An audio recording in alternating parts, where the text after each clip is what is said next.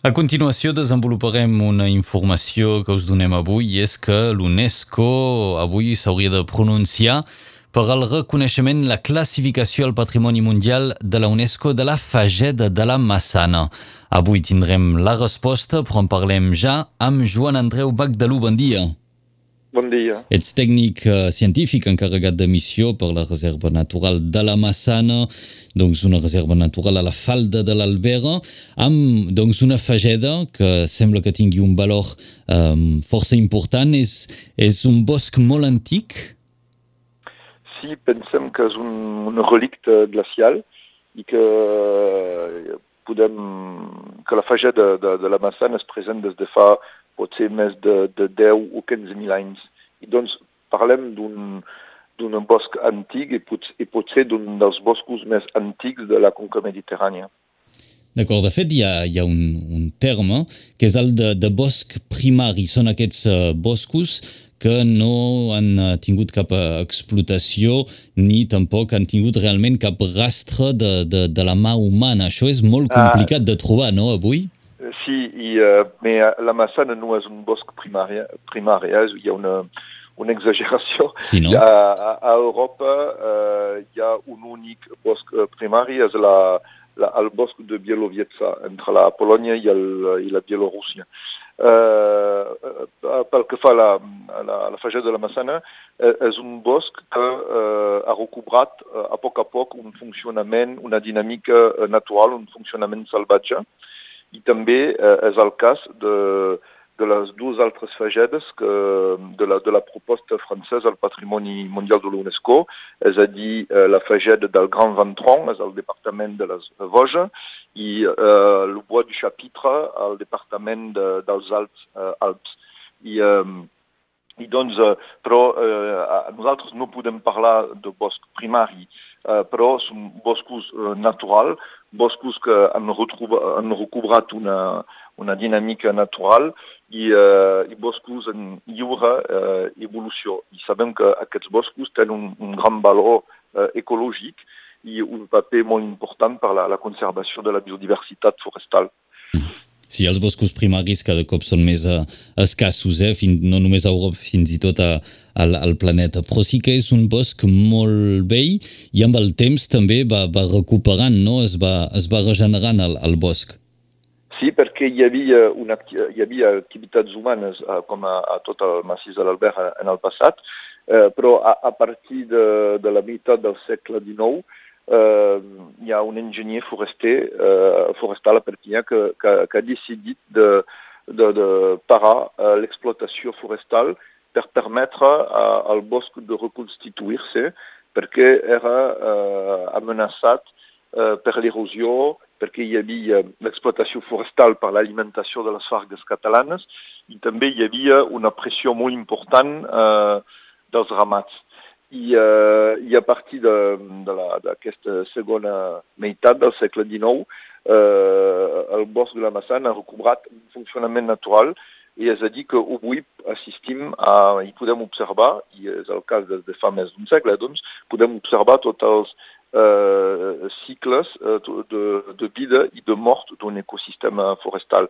I doncs és una, una, una, una, un bosc de referència d'aquest punt de vista, un, és una, una, una mena d'observatori natural. Els arbres que hi trobem en aquest eh, bosc, alguns són força antics, alguns molt alts, sembla que el més alt és de més de 30 metres. Es pot eh, donar una edat en aquests arbres? Sí, ha, pensem que hi ha eh, és una mitjana, eh? és a dir que un arbre que té un diàmetre de 70 eh, centímetres té eh, normalment 150 anys. Uh, I doncs hem fet mostres uh, uh, amb, uh, en alguns d'aquests faigs i sabem que, que, que n'hi ha que, uh, que, que, que, són, uh, que tenen 200 anys d'edat. I, mais segurament que n'hi ha que són més vells i és segurament uh, el cas d'alguns faigs a prop de la Font de la Massana que tenen 300-350 anys.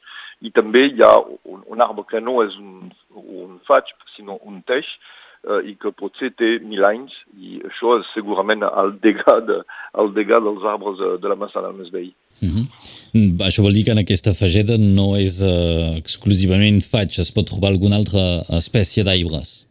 Sí, sí, sí. El faig, uh, hi ha una associació a la massana entre el faig, el grobol i el, el teix, però també és una, és una fageda eh, que se situa en, en una zona mediterrània i doncs al voltant de tota aquesta, aquesta fageda també hi ha alzina, eh, perquè l'alzina és eh, l'arbre, l'espècie és la, la més representativa de, de l'Albert, eh, perquè hi ha, hi ha la, el suro, eh, la, la, la, el rur eh, a, a, a les parts més baixes, i després l'alzina, trobem uh, alguns rurs martinencs, un, un rur blanc, uh, caducifoli, i, uh, i després la, la fageda.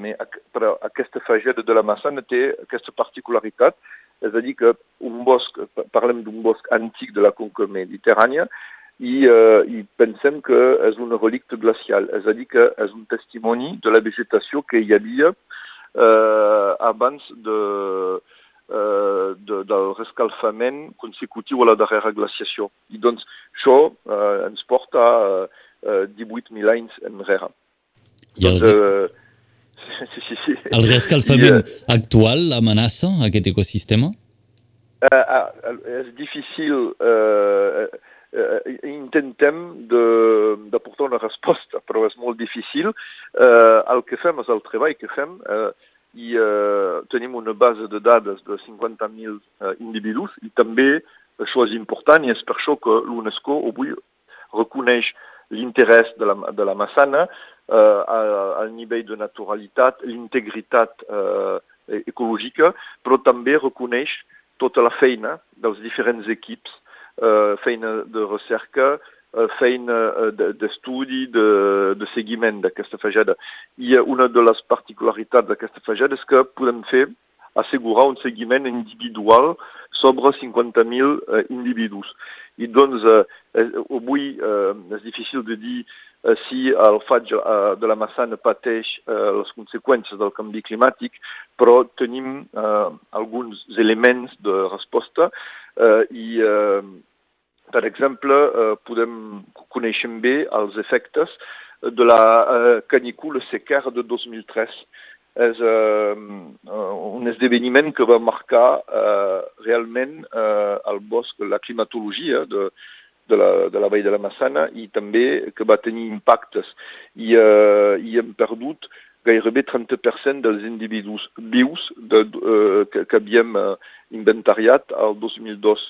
Doncs eh, sabem que eh, coneix, sabem que hi ha eh, impactes, però hem pogut seguir i, i mesurar els efectes d'una pertorbació, la de 2003. Mm -hmm. Però la qüestió plantejada amb el canvi climàtic és la freqüència d'aquest uh, tipus d'esdeveniment, de sequeres, tempestes, canicula, eh, i eh, per això cal fer seguiment a llarg eh, termini, perquè un com 2003 Ehm, eh, té un impacte, però la, la, la, la, el bosc té una capacitat de, eh, de resiliència.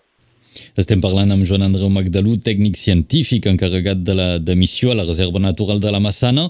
Des de la Reserva Natural, seu pas vosaltres que heu fet la demanda de, de ser presentats, candidats en aquest reconeixement de l'UNESCO, és l'Estat qui ho ha fet, sí. però què n'espereu? Què n'espereu de, hem de dir que la resposta encara és pas oficial, mais que hi ha una opinió favorable, no?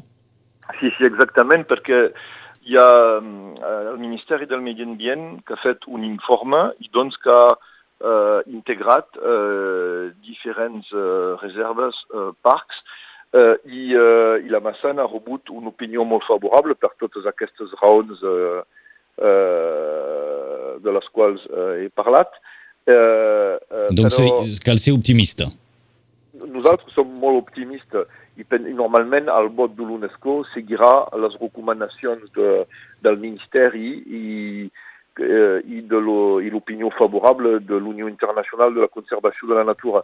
Nosaltres el que esperem és, és un reconeixement més doncs, de, la, de la qualitat eh, de l'interès d'aquesta aquest, eh, zona, que ja és una reserva natural, doncs ja té un bon nivell de protecció, eh, però eh, normalment amb l'UNESCO eh, tindrem un, altre, un nivell de protecció encara més eh, fort i la garantia eh, que mai no podrem eh, alterar eh, la qualitat eh, de, de, de, ecològica i l'integritat ecològica d'aquest bosc. Doncs més aviat també és, un... una un... millor visibilitat. Sí, és una, és una garantia, alhora que també més visibilitat vol dir potser més eh, freqüentació. És un problema, això? Ah, ah, això sí, perquè és una, un bosc que se situa a prop de les platges d'Argelès, eh, però eh, podem, treballem bé amb l'Ajuntament d'Argelès doncs per evitar que hi hagi una freqüentació molt important. I això, evidentment, que és, una, és al centre de les nostres preocupacions avui. Eh, però eh, ja hem de, de fer endegaments per uh, controlar la freqüentació del públic i, i, i això també que és, pot ser la contrapartida uh, d'una classificació uh, a l'UNESCO però pensem que els efectes positius de la, de la classificació seran molt més forts eh, en termes d'imatge, eh, de reconeixement i potser també de, de mitjans per una millor protecció de, de la Massana i potser també de les zones que hi ha al voltant de la Massana. Aquest reconeixement, aquesta classificació al Patrimoni Mundial de la UNESCO s'hauria de confirmar al llarg de la jornada d'avui, un dossier que doncs, va començar el 2018 i tindrà resposta doncs, avui, el 28 de juliol del 2021, la decisió de la UNESCO. L'esperem, però veiem que hi ha optimisme des dels qui treballen a la Reserva Natural de la Massana, nos ho explicava Joan Andreu Magdalú. Moltes gràcies i, evidentment, Moltes gràcies. seguirem al corrent eh, de com vagin les coses. Molt bé, molt bé. Molt bon dia. Adiu. Fins aviat. Adiu.